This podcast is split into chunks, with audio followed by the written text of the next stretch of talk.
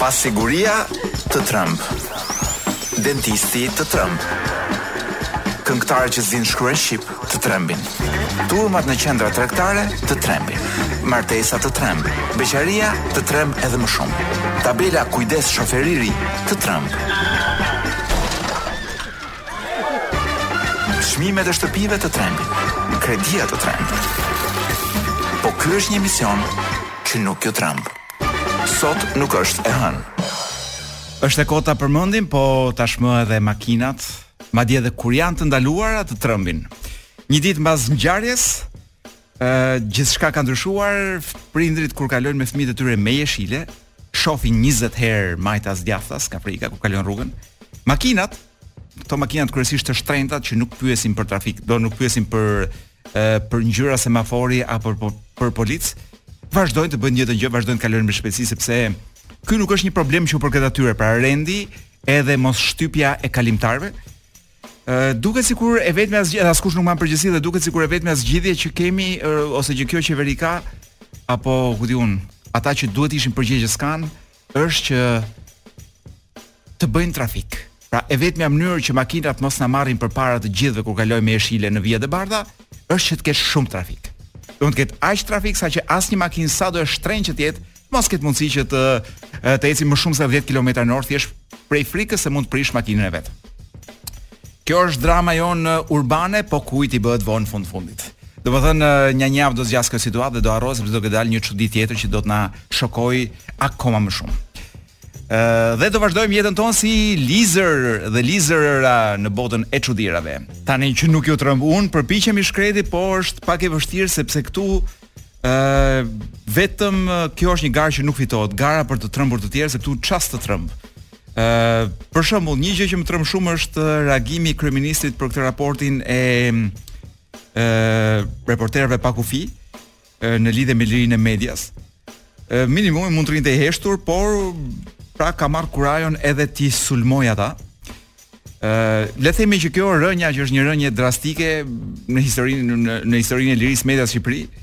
Ë, tashmë kemi rënë në një rajon, në rajonin e gjithë vendeve të Afrikës qendrore, që është është zona me lirinë më të ulët si zonë them, dhe ne jemi tashmë nuk jemi më në Ballkan, jemi në, në Afrikën Qendrore. Dhe kurajoja e kryeministrit për të sulmuar raportin që është raporti i një prej organizatave më serioze për median në Shqipëri, është për t'u çuditur. Ëh, Tash e rëndësishme është që ne të mësohemi me këtë rajonin e ri ku kemi rënë. Pra të mësohemi që jemi një vend i Afrikës Qendrore dhe gjithçka do shkojë mirë. Rama në fund fundit mund dhe të krenohet me këtë që ka ndodhur sepse është bërë si mbreti Midas. ë uh, Tani Midas ishte ai mbreti që çdo gjë që e kapte me dorë e kthente në ar. Edi Rama nuk the, nuk e kthen në ar, e kthen në një gjë tjetër. ë uh, kryesisht gjë gjë e kthen në një gjë që bie. Por do kthehemi te kjo tema se ka nja dy gjëra interesante për diskutuar lidhje me reagimin e qeverisë me këtë raportin. Do vazhdojmë me ngjarjet e tjera.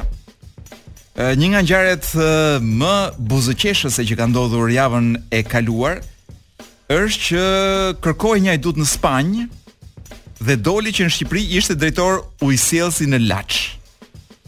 Do e kërkonin sepse kishte vjedhur shtëpinë e Benzemas. Tashi, në qoftë se mua ndonjëherë do më vidhet shtëpia, që nuk besoj përveç se po deshën të më vjedhin mua, po edhe unë nuk kam atë vlerë që mund të mendohet.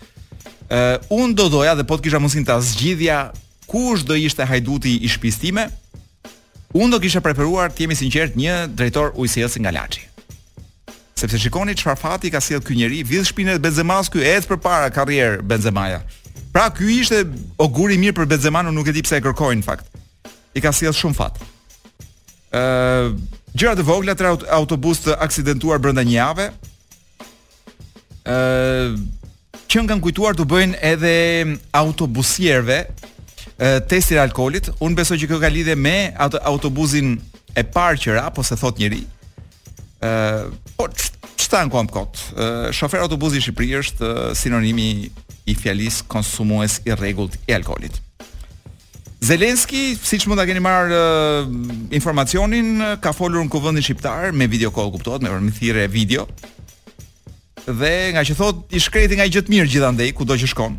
Pra kudo që flet. Ka thënë një gjë të mirë dhe për ne dhe e vetmja gjë e mirë që ka gjetur masi ka parë sigurisht dhe raportet e vazhdueshme për lirin, ka gjetur që kemi edhe Nën Terezën dhe e përmendi si gjë të mirë. Populli juaj, tha, më kujton Nën Terezën. Dhe është një gjë, është një vërtetë e madhe e kësaj bote në fakt. Ka shumë të drejtë ky zotëria Zelenski, sepse në Shqipëri çdo 10 njerëz dy ngjajnë me Nën Terezën, dy ngjajnë me Skënderbeun, pjesa gjithë pjesa tjetër ngjajnë me Niko Peleshin. Pra gjithë Shqipëria tjetër janë si të themi DJ Viz, janë Niko Peleshër. Mund ta themi kështu po. Ë kemi dhënë dhe 1 milion euro për Ukrainën. Ç'të them, sikur mjafton të kishim shitur garderobën e këtyre të parlamentit, do kishim nxjerrë shumë më tepër para, po ata nuk kanë plan t'i nxjerrin nga xhepat e tyre, kështu që do nxjerrin nga xhepat e popullit. Shpresoj që ai 1 milion që jonë të kruajë ndonjë dhëm të krimbur diku në Ukrainë, ku llogaritet që ndihma duhet të jetë disa trilion dollarë. Ë rindërtimi i jo nuk më pëlqen ky si lajm. Papa paska paralajmëruar patriarkun rus që është pro luftës mos u sill si djalë si djalë altari i Putinit se desh më shkoi gjuha ku dhemb dhëmbi. Dhe le të themi që kjo është një lloj don kur do thotë dhe papa këtë gjë është një lloj si të të fusë një shuplakë të shenjtë. Ai zonja Yuki pra Yuri Kim e, ka mbledhur në kafe ish ambasadorët e Shteteve të Bashkuara në Tiranë. Ë Tashi me thënë të drejtë unë do doja që këta ish ne të mos kishim një Big Brother, po të kishim një Big ish ambasador. Ë uh, brother. Pra mos kishim VIP-a, po të kishim gjithë ish ambasadorë dhe unë do isha shumë i lumtur, madje të ishte nga ato tip uh, do të ishte nga ato Big Brotherat ku njerëzit edhe u lejohet u lejon dhe thika dhe armë me vete, kupton që të kenë mundësi të eliminojnë njëri tjetrin. Dhe më vjen mirë që i ka mbledhur në kafe sepse është tradita shqiptare dhe kjo tregon që zonja Yuri Kim është bërë tashmë një shqiptare e mirëfilltë. Ky ishte Billy Idol me To Be a Lover. Kjo është një këngë e vjetër, në fakt shumë e lashtë, është këngë e viteve 60 dhe ka pas qenë dikur një këngë R&B, po Billy Idol e mori dhe në vitet 80 është një nga këngët e para të famshme të tij dhe mos gaboj ka ka çarë, po themi Çfarë ka çarë o DJ Wiz? Çfarë çaj në atë kohë? DJ Wizi më shef sepse po e huton një femër e bukur dhe bjonde, matanë regjisë. Dhe sa herë, domethënë sa herë që duan të më sabotojnë emisionin, i çojnë DJ Wizit femra bjonde që ta hutojnë. Mirë, rikthehemi tek ngjarja e javës. DJ Wiz mund të merresh lirshëm me ato që po merresh sepse është një gjë që nuk të intereson, është liria e medias. Kujt t'i bëhet vonë fund fundit. Kemi një ngatërresë shumë të madhe që kam idenë dhe kryeministri ngatërrohet për këtë punë lirisë së medias dhe e ndjej të domosdoshme, domethënë që ta nxjerr. Është se më rri kështu si një gur në në veshkë që o do e nxjerrësh po themi me rrugë natyrale, o do e bësh operacion. Ë ngatërrohet shpesh liria e medias, duket sikur ne kemi liri të medias, fakt ne nuk kemi liri të medias sepse liria për të dalë në televizor apo për të të thirrur një, një emision debati dhe për të sharë ë këdo që të do qefi, nuk është një liri e medias. Është thjesht liri debati, është liri opinionesh. Liria vërtet e medias është është liria për të raportuar. Pra media është e lirë kur ka mundësinë që të raportojë. Që do thotë një gazetar është i lirë të raportojë një gjë që ndodh në këtë vend. Dhe këtë nuk kupton kryeministri, prandaj media në Shqipëri nuk është e lirë dhe nuk ka se si të jetë e lirë sepse ë në 100 mënyra gazetarët tanë nuk raportojnë dot. Pra ne kemi lirinë që të, të ftohemi diku, qoftë se na ftojnë në një program, edhe të shajmë sa të duam qeverinë, por kjo nuk është liri e medias, është liri e të folurit.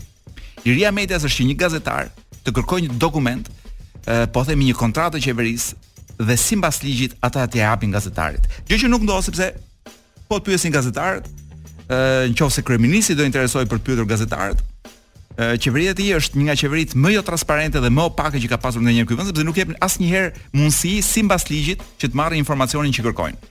Për të mos thënë që kemi arritur në pikën që s'është aspak delikate ku gazetarët nuk lejohen më as të futen në mitingje të partive politike, kryesisht të partive në pushtet. Sa parti kemi në pushtet? Të ngremë gishtat, Ok, mbani vetëm njërin nga gishtat përpjetë, sepse vetëm një parti është në pushtet dhe për shembull më kujtohet ka qenë më duket se mitingu festues i, i kryeministrit mas zgjedhjeve të kaluara, jo këto lokale po zgjedhjet e përgjithshme, dhe gazetarët, disa gazetarë të paktën siç më kanë raportuar mua, nuk lejoheshin të hynin as në shesh, pra nuk u lejuan të hynin në shesh dhe të bënin një raportim nga sheshi. Sepse çdo parti, çdo qeveri, çdo bashki i bën vetë lajmet. Dhe ua çon mediave të gatshme. Kështu pra kjo nuk është liri t'i thoni kryeministrit kush e njeh nga afër. Po kam idenë që askush s'e njeh më kryeministrin nga afër. Të gjithë e njohin o nga matan televizorit nga divani, o nga matan një tavoline të gjatë. sepse tavolina e vërtetë e kryeministrit tonë është më e gjatë se ajo që kishte Putini, kur i mbante larg ata njerëzit e vet. Kështu pra. Kaq për sa i përket lirisë. Sapo dëgjuat uh, Coldplay me Politik, ju rikujtoj që sot nuk është e hënë dhe ju po dëgjoni Top Albania Radio. Ky është momenti i librit të javës. DJ Wiz, kur e ke marrë jetën tënde në dorë për herë të fundit? Metaforë thashë, do mos më trego për gjëra që merr me dorë ti, domethënë, punët e dorës që bën etj etj. Zakonisht mbas orës 12 të natës. Po, që kur është bërë 18 vjeç e tutje, DJ Wizi mbas 12 të natës e merr jetën e vet në dorë. Për atë që ndodh gjatë ditës nuk mban përgjegjësi. Unë kam librin të bëhesh vetvetja këtu. Është unë në përgjithësi nuk jam fans i librave me si të bëhesh. kështu dhe si të bësh ashtu sepse unë besoj që njeriu ë uh, un mendoj që është e vështirë që të mësosh ë uh, pra të ndryshoj jeta ë uh, me thjesht me këshilla praktike nga një libër ë uh, dhe edhe nga një trajnim ndoshta pra nuk jam fare në këtë lloj fryme un mendoj që një ky procesi i shndrimit njeriut është një proces gradual Por ndoshta një libër mund të ndihmojë për të filluar ndryshimin tuaj. Ky libri që është shkruar nga Zhak Atali, ja ta gjej edhe çfarë të dhënash të tjera ka. Zhak Atali ka qenë në mos gaboj ka qenë këshilltar i Mitterrandit në Francë, në qoftë se nuk gabohem. Është botimi është i shtëpisë botuese Green Tech përkthyer nga frëngjishtja nga Xhimi Lazri, redaktuar madje nga Helena Kadare, keni parë ti. Pra kanë marrë shumë seriozisht këtë librin. Ë uh, libri fillon siç lexuam pak javën që kaloi me një shpjegim të zi të botës, pra sa e zezë është bota, somalizimi i botës. Ëm ehm, uh, dhe ja për shembull ja po lexoj këtu kapitullet se fillimi është i zi, pastaj ndodh një ndryshim në libër dhe ë uh, si me thënë gjithçka bëhet uh, bëhet më aktive, më e bardhë do thoja unë. Ja kapitulli i tretë kokulurit pretendues thotë këtu Me gjithë katastrofën që po troket në derë, me gjithë pafuqinë ekonomike të shteteve, burrat dhe gratë e politikës vazhdojnë të sillen sikur gjithçka varet nga ata. Gjatë fushatave zgjedhore, ata vazhdojnë të këmbgulin për programe dhe të bëjnë premtime. Vazhdojnë zotohen që nëse zgjidhen apo marrin pushtetin, do të përmirësojnë mjedisin, do të reduktojnë pabarazi, pabarazinë, do krijojnë punësim, ekonomi etj etj. duke mos pranuar shohin fundin e botës që po vjen, pjesa më e madhe e qytetarëve dhe jo vetëm vendet perëndimore vazhdojnë të shtiren sikur u besojnë, sikur presin gjithçka nga ta dhe të pretendojnë për përparësira, shkelje të ligjeve dhe për favore. Kur zhgënjehen nga një parti, rendin drejt një tjetre, pasi zhgënjehen dhe nga kjo rendin drejt një tjetre, gjithnjë e më ekstreme. Pra ky është një shpjegim i botës së zezë, ku jeton. Por, ë, pak më vonë autori ka dhe një pjesë të dytë, pra pjesa e parë është kjo pjesa e zezë realitetit. Po pjesa e dytë thotë rilindja ka nisur dhe nuk e ka për këtë rilindjen këtu që është thjesht një rivjedhje ë më shumë se sa rilindje. Dhe fillon ky kapitulli i rilindjes së re botërore thotë Shumë lëvizje idesh i mshojnë kërkimit të lirisë me ngulm e në të gjitha format. Shumë individë Tashmë kanë filluar të mos presin asgjë nga pushtetet, por të marrin në duar fatin e tyre e të përçapen për të zgjedhur jetët e tyre. Shumë persona që duan të bëhen vetvetja e kanë nisur rrugtimin. Mua fjala rrugtim nuk e di pse, po më, më sjell një kështu, më duket sikur më më çan ballin me sëpatë. Pra më duket një fjalë që ë uh, kaq e sajuar. Po nejse vazhdojmë le, le të mos merrem me me ankthet e mia linguistike, vazhdojmë leximin. Këta pra marrin guximin për të mos i lënë të tjerët të drejtojnë jetën e tyre. Marrin guximin që të mos varen nga dëshirat e tjerëve, të mos kënaqen vetëm duke konsumuar objekte, shërbime, proteza apo politikë. Nuk është hera e parë thotë që vihet re një evolucion i tillë pozitiv. Në shekullin e 14 e 15, më fal, në Europë princër dhe peshkopë, perandorë dhe papë pretendonin të qeverisnin me rreptësi trupa dhe shpirtrat e njerëzve. Fati i popullatave në të gjitha provi, në të gjitha provincat e Europës varej nga prelatët, sejmenët që u shërbenin, nga zotërinjtë, nga ushtarët e tyre. Papët dhe perandorët romako gjermanikë kanë qenë në konflikt të përhershëm kush e kush të merrte trashëgiminë e pushtetit të cezarëve e të tjera të tjera, pra tregon se si historikisht vazhdimisht ka pasur një revolucion, një rilindje dhe shpjegon në këtë në këtë kapitull gjerë e gjatë. Më pas autori sjell edhe sinjalet e kësaj rilindjeje të re dhe thotë ja ku thotë këtu. Ë kapitulli i parë kështu po ndodh dhe sot thotë. Ngjitja e së keqes dhe somalizimi i botës, siç e shtjellova më parë, nuk janë të pashmangshme. Konteksti botëror po gëlon nga mundësitë. Rilindja sot më është e mundur. Shumë burra e gra nuk mjaftohen së qeni më vetëm kokulur pretendues. Pra atyre që ne i themi dele, në të folurin tonë të përditshëm, ky ka gjetur një term Zhak Atalia që Xhimi Lazri e ka përkthyer si kokulur pretendues. Ëh dhe e përmbledh pra përmbledh gjithë idetë se pse po lind një rilindje e re. Më pas jep shembuj të vazhdueshëm, ja ku thotë këtu, kapitulli tjetër. Ëh pionierët e parë të kësaj rilindjeje janë dhe gjithnjë do të jenë ata që marrin në dorë jetën e tyre private. Në kuadrin e kësaj të fundit, këta njerëz dalin mbi kodet ku gjenden të mbërthyer për shkak të këtij statusi, Ata zgjedhin seksualitetin, martohen me atë që duan, vendosin për pamjen fizike dhe mbajnë nën kontroll varësitë e tyre. Ja thotë disa shembuj të kohëve të fundit tejet emblematikë për këto sinjale të dobëta të rilindjes në botë dhe ja dhe flet me fakte për gjëra që ndodhin. Ë për të kaluar më pas në një analizë se si mund të bëhemi vetvetja, por për këtë ndoshta mund të lexojmë diçka në javën e ardhshme, pra është nga të paktët libra si të pika pika, ë të cilin unë do jua kisha rekomanduar. ë sepse siç thoshte Jovanotti dikur, para 30 vjetësh, secili ka revolucionin e vet personal. Një franko maroken, ky ishte Anwar, për ju që mund të jeni kurioz, megjithëse ka dalë Shazami tashi që praktikisht i nxjerr gjithë gjithë forcat në radio jashtë loje. nga Brukseli burri i botës edhe ka bërë këtë këngë që e gjithë albumi në fakt Beautiful Sunrise unë e kam dëgjuar është është ka një vibe kur i thonë kështu domethënë sikur është kështu i përtej kësaj bote edhe maji maji është muaji i shëndetit mendor dhe ka gjë dhe unë duhet të flas pak për shëndetin mendor sepse nëse ka një luftë që do doja të bëja do ishte lufta për shëndetin mendor sepse ë kur ku di un dikush ka kancer, askush nuk e tall. ë Madje edhe kur ke diabet, DJ Wiz, që është një sëmundje pak qesharake, do të thotë që ti ha shumë ëmbëlsira, ë se tallem, do të thotë, po nuk është krejt shumë gjasë. Edhe diabeti nuk që nuk duket shumë serioz, prapë është ë, një sëmundje që gjithë e marrin seriozisht për të mos folur për sëmundjen e zemrës. ë Kur të gjitha këto për shembull mund të vijnë për shkak të jetës që bën. Për shembull, smundjet e zemrës mund të vijnë për shkak të jetës, ushqimit që ha, pra njeriu ka përgjegjësi për këtë gjë që ndodh. Ndërkohë që shëndeti mendor nuk varet nga njeriu dhe është gjëja që kemi turp të gjithë ta themi që e kemi, sepse jemi një popull në, në depresion. Ëh, dhe jo vetëm kaq, pra nuk kemi faj që kemi turp ta themi sepse kjo është një shoqëri që gjithë njerëzit që kanë një problem mendor, ku më i lehti mund të jetë depresioni, po mund të ketë një ë çrregullim bipolar, mund të ketë pak skizofreni apo ku di un probleme të tjera të, të mendjes, pra sëmundje të mendjes, ne jemi tmerrësisht paragjykues. Edhe kemi një mënyrë shumë poshtëruese për të parë këta njerëz. Çmendur, ku di un se ç'kemi ca terma kështu. Kështu që un jam një luft, një nga luftëtarët e shëndetit mendor, DJ Wiz. Dhe shiko ç'më duhet të të them. Ë uh, në Amerikë janë nja 50 milion, por në gjithë botën janë thuhet që janë nja gati 1 miliard 970 milion njerëz, të cilët kanë një problem mendor. Pra ka një nga këto çrregullimet mendore ku siç thashë depresioni është më i rëndomti apo ankthi. Për shembull, që është më i zakonshmi në botë, vetëm nga ankthi janë nja 300 milion njerëz të cilët vuajnë në gjithë botën. ë dhe të gjitha këto depresionet, ankthi, çrregullimet e përdorimit të alkoolit që gjithashtu janë probleme mendore, skizofrenia, çrregullimet bipolare etj etj. Të gjitha këto janë një nga arsyet kryesore pse njerëzit janë bëhen të paaftë për punë, paaftë për të qenë në shoqëri. e ku di un se çfarë.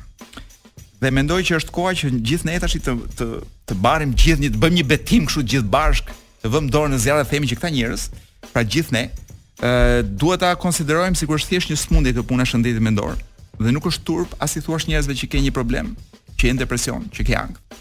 Por e mira është që gjithë shoqëria të bëjë një lloj presioni që të ketë mënyra ku njerëzit nëse ti merr ilaçet e gjumit falas ti duhet marrësh edhe një trajtim ë uh, ti duhet të marrësh një trajtim psikologjik falas dhe ky shtet duhet të mendojë për këtë gjë, si gjithë shtetet e Europës ku me demek duan të na fusin.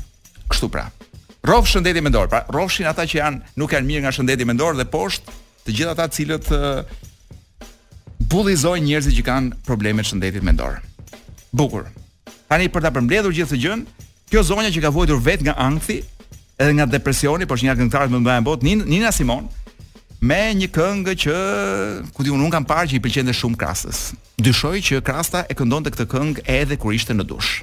Sinnerman. Si lart ashtu edhe poshtë, është nxirë lart, nxirë sigurisht edhe këtej poshtë dhe do rrimë pak në këtë atmosferën kështu si prej para stuhisë, sepse dua t'ju sjell një grup që është nuk është grup fakt është një super grup Rainbow uh, i cili është themeluar që në 75-ën pastaj është ka luajtur ca vite bashkë, pastaj ka ndërprerë, pastaj në vitet 90 pa, kanë pasur një rikthim. Dhe tani në 2015-ën janë rikthyer. Është themeluar nga uh, Richie Blackmore, edhe nga Ronnie James Dio, pra dy nga gjigantët më të mëdhenj të muzikës rock, ata që nuk i njohin mirë, Ritchie Blackmore është themeluesi i Deep Purple që nuk besoj se ka njeri që nuk i njeh. Qoftë se nuk i njihni Deep Purple, atëherë ka diçka që nuk shkon me juve. Ë uh, dhe Rainbow është një super grup siç thashë që ka nxjerrë mua më pëlqen çuditërisht një album i tyre. i cili nuk para ka patur sukses, është sepse ka qenë për fatin e tyre të keq një album i nxjerrë në vitet në mes të viteve 90, kur ishte ajo periudha mbas grunge-it, mbas Nirvana-ve, ku di unë rock-u vdiq e, ku di unë se çfarë po. Këta nxorën këtë albumin që mua në të vërtetë më ka më ka pëlqyer shumë. Stranger in Us All, Dhe pikërisht nga ky album unë kam përzgjedhur një këngë, e cila është po kaq e errët sa ç'është edhe kjo nata e sotme, kjo buzëmbrëmja e sotme. Është është një këngë që flet për këtë Arielin që është, ku di unë si ta them, është si një biçim zane në mitologji. Ë, uh, gjë interesante është që ky uh, Blackmore-i e ka shkruar bashkë me të shoqen, që në mos gaboj në atë kohë nuk e kishte akoma të shoqe. Pra sa për të futur çik telenovelë brenda këngës që t'jua bëj çik më interesante juve dëgjuesve. Por uh, ndaç e shita, ndaç nuk e shita ju do të dëgjoni tani për hatër të DJ Wizit. Rainbow dhe ne kemi zgjedhur versionin e gjatë, ka një version më të shkurtër për radio, 3 minuta. Jo, ne ju kemi zgjedhur këtë të gjatin që si me thënë si një batanije e madhe, është baladë, por është një baladë kështu si ku di unë, është si dramatike shumë. Është një gjë sikur ka zbritur, ku di unë Bahu edhe ka bërë një grup metali me këta dhe po bën një këngë metali. Ariel. Sot nuk është e hënë dhe ju po e dëgjoni këtë këngë në Top Albania Radio. Sapo dëgjuat uh, Ariel nga Rainbow, ju rikujtoj që ju po dëgjoni Top Albania Radio.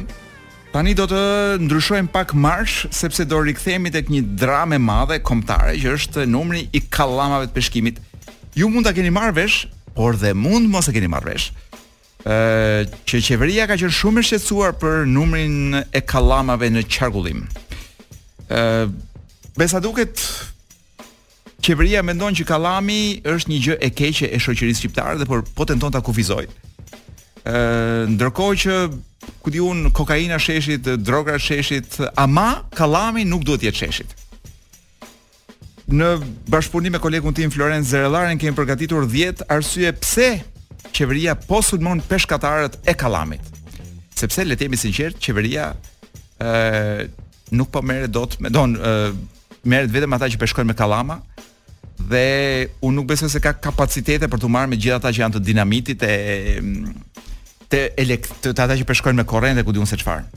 Ose armiku i vërtet i peshkimit që janë rrjetat e holla, pra ata që peshkojnë me rrjetat e holla duke vrarë peshq të vegjël dhe të mëdhenj, pra duke shkatruar gjithë peshqit e vegjël që mund të kapen pas një viti ose dy vjetësh. Po gjitha këto nuk ekzistojnë për qeverinë, numri i kallamave me sa duket është diçka shumë e rëndësishme për ta.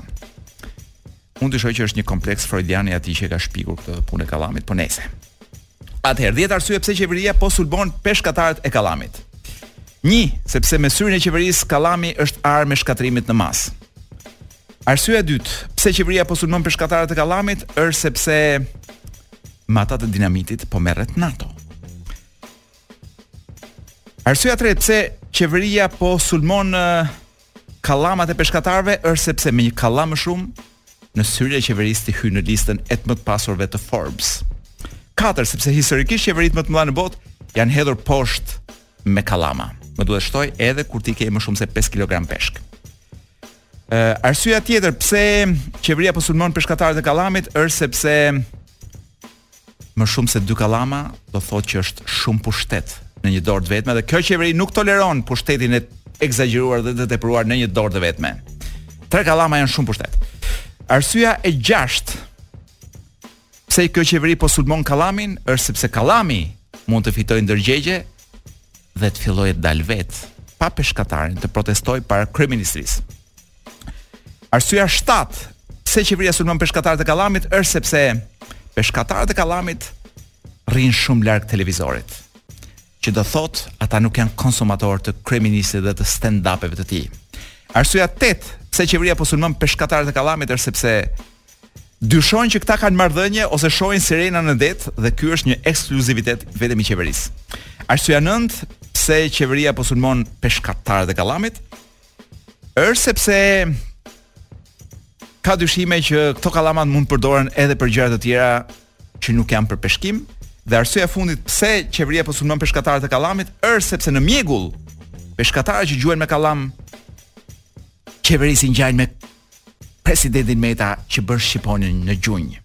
Këto ishin 10 arsye pse qeveria po sulmon peshkatarët e Kallamit. Ne shkëputemi nga fjala Kallam.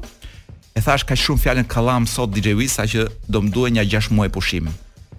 Nga kjo fjala që fillon me K edhe mbaron me Allam. Dhe mbas 5 minutave që u dëgjua The Strokes, ju kam borxh një shpjegim janë është grupi që ka fituar, grupi më i mirë rock mos gabohem, O vjet, o një vit më parë. Dhe kënga që sapo dëgjuat është një këngë e shkëputur nga albumi i tyre i fundit i 2020 apo 21, nuk e di mirë. Eternal Summer. Ë, është një grup që unë e dua shumë sepse e para janë njujorkezë dhe e dyta është një grup indie, po nga këto grupet kryesore që rikthyen muzikën indie në formë në në, në formë në modë në vitet 2000 Në fillim fare të viteve 2000. DJ Wizi ishte akoma një fëmijë i vogël që loste me shokët me topa, ku di unë. Me top ndoshta. Apo s'lozje me topa DJ Wiz, që mos gënjej publikun. Deri tek topi prej plas, do prej prej gome, jo me topa ping pongu. Rikthehemi tek ngjarjet e mëdha që po ndodhin, kjo është java e Eurovizionit. Dhe kemi një sigurisht që java e Eurovizionit në gjithë Europën krijon një lloj kështu, një lloj axhitimi, do thosha unë shqetësimi, turbullire andej këtej. Unë vrej edhe me një lloj simpatie madje që prezantuesja jonë ka arritur të krijojë një lloj zhurme rreth vetes. Pra ka shfrytëzuar ndoshta është rasti i parë që unë shoh Shqipërinë që të arrijë të prodhojë ë të bëhet lajm për lloj zhurme, fakti që pra me shumë zgjuarsi ë e kanë orientuar te kauzat e, publike si bullizmi për shembull. Ë pashë edhe një veshje që është komentuar goxha me sa kuptoj unë në rrjete, veshjen e saj në prezantimin e, e pjesëmarrësve Unë nuk jam një kompetent i veshjeve, kështu që nuk mund të gjykoj veshjen, por unë mendoj që spektakle si Eurovizioni janë gjithashtu edhe vende ku janë edhe vende ekzibicioni edhe për veshjen. ë ca ngjyra të vogla të LGBT-s brenda veshjes sigurisht që japin avantazh më shumë për të rënë në sy edhe për tu për të për të joshur atë që është ndoshta grupi që e do më shumë Eurovizionin, grupi LGBT. Nuk e di, do gjejnë diçka e duan, e duan Eurovizionin. Kështu që unë gjykoj që po për herë të parë po shoh një PR shumë të mirë të të, të këngëtares shqiptare. Tani, ë kënga që neve na prezanton në, në Eurovizion, unë vazhdoj të jem i atij opinioni që ajo lloj muzike nuk më përfaqëson mua. ë dhe teksti i këngës në versionin e parë që kemi dëgjuar ishte skandaloz. Por kjo nuk më pengon mua dhe nuk duhet të na pengojë neve që të bëjmë tifo, sepse ë është kënga është në fund fundit përfaqësuese e Shqipërisë dhe edhe kur ekipi jot është në fund të tabelës, një tifoz i vërtet shkon dhe bën tifo për ekipin edhe kur e di që do humbi, edhe kur e di që lojën nuk e ka të mirë, edhe kur e di që lojtarët s'i ka të mirë, edhe kur e di që s'ka trajner etj etj. Kështu që vazhdoj të jem me dëshirën që të ecim sa më mirë pavarësisht se nuk te kënga nuk e gjej veten, por siç thash më pëlqen shumë prezantimi edhe profesional i ekipit Ndoshta hera e parë që shoh Shqipërinë që prezantohet ashtu siç duhet në të gjitha aspektet në Eurovision. Të shpresojmë që do të jetë një trend që do të vazhdojë. Sapo dëgjuat Five Finger Death Punch, që kanë marrë një këngë që ishte ndërkohë shumë e mirë dhe e bën akoma më të mirë. Ë, uh, sigurisht që duhet pak kohë që të vish uh, deri në gradën që ta shijosh dhe të të pëlqejë kjo muzikë, po ky nuk është faji as i imi, as i DJ Wizit. Dhe di madje një djalë që quhet Armando në Tiranë, i cili është një fans i Five Finger Death Punch. Jemi tek ora e seksit DJ Wiz. Zhvishu. Domethënë vishu, sepse e, do flasim për një gjë që është dhëmbi ku u shkon gjuha të gjithëve. Ëndra e çdo njeriu beqar sot nga gjinia mashkullore po po po edhe një pjesë nga gjinia femërore është të kenë një kontakt pra të kenë një marrëdhënie seksuale që fillon e mbaron po atë natë. Pra të mos kesh kohë të lodhesh. Meqenëse jemi në periudhën ku njerëzit nuk duan vetë të lodhen dhe pse duhet t'u vëmë faj. Mirëpo, është vënë re që kryesisht ose dyshohet apo mendohet që kjo është një dëshirë kryesisht e meshkujve, Sepse me demek ka shumë paragjykime, jo vajzave nuk u pëlqen apo grave nuk u pëlqen një pra një marrëdhënie kaq e shpejtë që lind e mbaron brenda një nate etj etj. Të gjitha këto janë stereotipe dhe nuk janë të vërteta DJ Wiz, arsyet pse gratë dhe vajzat nuk preferojnë pra që të kalojnë menjëherë në marrëdhënie seksuale brenda natës janë të tjera, ndryshe nga ato që mund të kemi menduar ne. Dhe këtë do ta shpjegoj me një eksperiment që është bërë këtu e 30 vjet përpara, por është nga më interesantët që janë bërë. në lidhje me këtë temë. Dhe çfarë kanë bërë? E kanë bërë ku ja ta gjej unë ty ku e kanë bërë këtë? E kanë bërë në Universitetin e Floridas, që në 89-ën. Çfarë kanë bërë? Kanë dërguar një student shumë të pashëm, i cili kudo që shihte një studente simpatike ose edhe jo, po mjafton të ishte një studente e vetmuar. Ë ky i afrohej dhe i thoshte, "Un ka kohë që po të shoh, që të kam parë vërdall, më dukesh shumë e bukur. A do të vish në krevat me mua sonte? A do vish të flemë bashkë sonte?" Dhe gjithashtu të njëjtin eksperiment e kanë përsëritur dhe me seksin e kundërt, ku një vajzë simpatike Shkon dhe i thoshte çunave të vetmuar të njëjtën frazë, a do vish, të kam parë, dukesh shumë tërheqës, a do vish në krevat me mua sonte. Dhe gjeje DJ Wiz se ç'bënë meshkujt kur u pyetën nga një femër simpatike, që mund të mos ketë qenë fare simpatike, po s'ka pikë rëndësie. 75% e tyre thanë Po. DJ Wizi po pyet veten, po ky 25 përqindëshi tjetër, ça halli kanë pasur? Sepse ka halle për shembull, një hall rëndom që i ndodh meshkujve dhe s'ia di njeri për shembull, është kur nuk kanë shëndetin mirë. Të tipit vuajnë nga një diarre e përkohshme për shembull, dhe sigurisht që kjo i pengon që të bëjnë çfarëdo lloj edhe muhabet si njerëz normalë. Po nejse, jemi tek eh, pjesa ku duhet shohim se si reaguan eh, të gjithë vajzave, eh, vajzat që u bë i njëjti propozim. Gjeje DJ Wiz se sa përqind e vajzave pranuan të shkonin ë dhe të flinin me djalin simpatik atë natë. Më jep një shifër nga mendja jote. 25% thotë DJ Wizi. Provo edhe një herë. Gjeje vetë, o do e ngresh, o do e ulësh. Po e ngre DJ Wizi. DJ Wiz nuk ke për ta gjetur dot me këto ngritje që ke. 0% DJ Wiz, meqenëse ra fjala. Disa qindra vajza që u pyetën, asnjëra prej tyre nuk pranoi që të shkonte pra në krevat ë uh, brenda natës.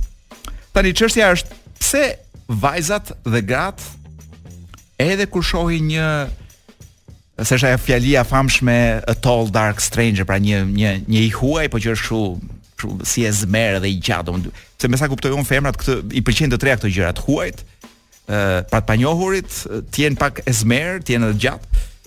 Ja pra ti i çon një një një burrë të gjatë, një djalë të gjatë, edhe të panjohur, edhe ezmer dhe ato thonë jo.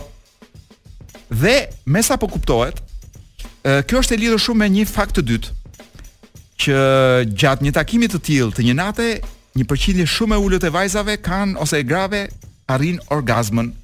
Pra kur kanë këtë kontaktin rastësor brenda natës, vetëm 7% e tyre arrijnë orgazmën.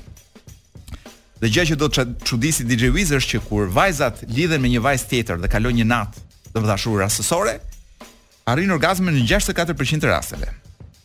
Kjo do thotë që femrat kanë një problem me meshkujt kur kalojnë, pra kanë një problem orgazme DJ Wiz.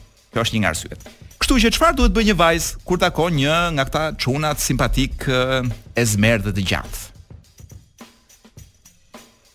Shanset që të arrijë orgazmën janë shumë të ulta.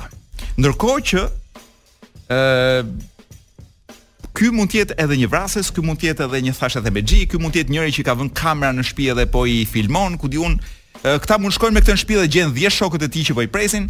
Pra vajzat, me sa kuptoj unë, ë bëjnë një lloj balance. Orgazëm nuk do kem, ë çudira mund të dalin përpara, ndoshta më mirë të tërhiqem. Dhe kjo është arsyeja. Pra, ë është një lloj matematike që bëjnë femrat në në mendjen e tyre, besoj unë, me të cilën kuptojnë se cili është skenari më i mirë për atë natë. Ama nuk ndodh kjo gjë kur shkojnë me një femër tjetër brenda natës, siç thash, kemi rezultate shumë më të larta. Nuk e di a të ndriçova jetën DJ Wiz, por mësimi që marrim nga nga ky studim është ky, që i vetmi shans që një femër të vijë, një vajzë apo një grua të vijë me njërin nga ne brenda natës, është që të të jetë shumë e vetmuar dhe të jetë mbas gotës së 10. Pra të ketë arritur atë gjendje që të gjitha këto frikra të ikin. Por dhe në atë rast unë mendoj që është diçka rrezikshme se ti do mbash një njeri i cili bie të fikët dhe do të detyrohesh ta çosh deri në shtëpi në krah. Ëh, sepse gjykoj që do jetë e vështirë të gjesh një taksi. Pra me një femër në krah, asnjë taksi nuk do të kalojë të të marrë rrugës. E mbyllëm orën e seksit. Ju po dëgjoni fundin e programit sot nuk është e hënë në Top Albania Radio. Meqenëse DJ Wiz më ka dhënë 3 minuta kohë, aq kisha Wiz? Po.